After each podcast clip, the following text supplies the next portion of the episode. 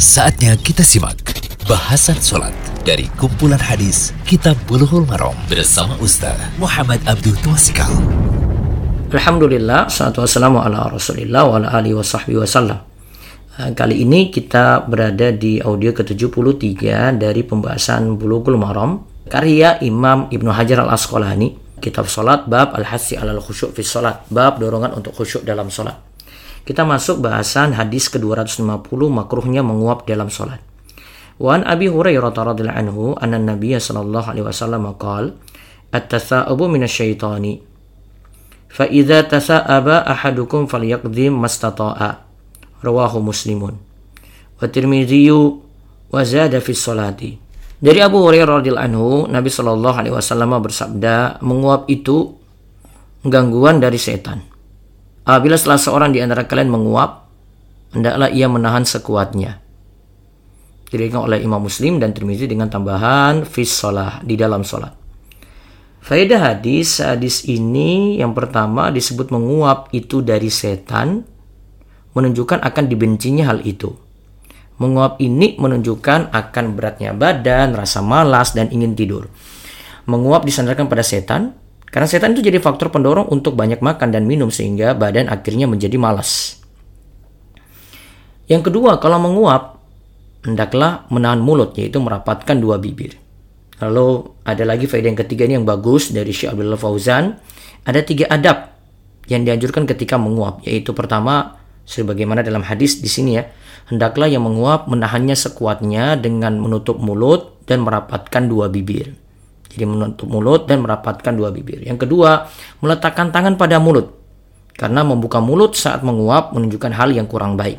Dari Abu Sa'id Al-Khudri radhiyallahu anhu Rasulullah sallallahu alaihi wasallam bersabda, "Idza tasawwaba ahadukum fi sholati falyakdhim mastata'a, fa inna syaitana yadkhul."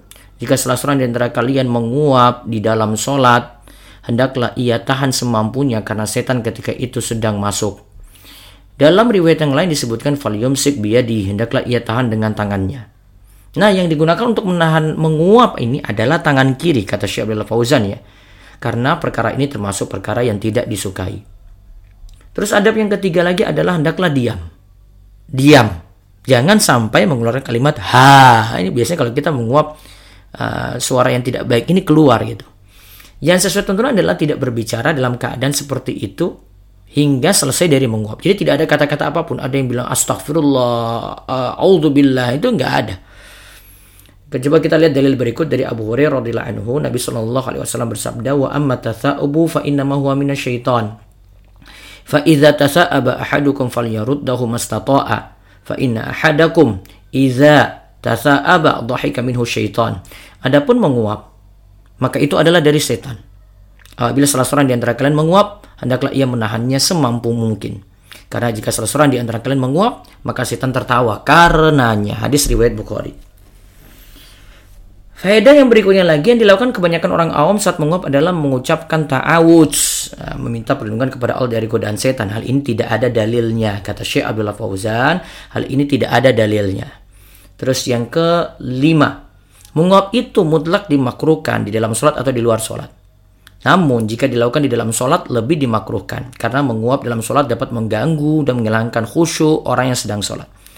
Ketika sholat lebih ditekankan untuk menahan menguap. Lebih ditekankan lagi ya ketika kita itu sholat. Dalilnya sebenarnya tadi sudah ada yang disebutkan namun ini hadis tinjauan yang lainnya dalam riwayat Tirmizi dari Abu Hurairah radhiyallahu anhu Rasulullah shallallahu alaihi wasallam bersabda astasaubu fi sholati minasyaiton fa idza tasa'aba ahadukum falyaghzim mastata'a Menguap dalam sholat adalah dari setan. Jika salah seorang di antara kalian menguap, ya tadi menguap di dalam sholat tadi kan disebutkan. Nah, jika salah seorang di antara kalian menguap, hendaklah ia tahan semampunya. Hadis riwayat Tirmidzi.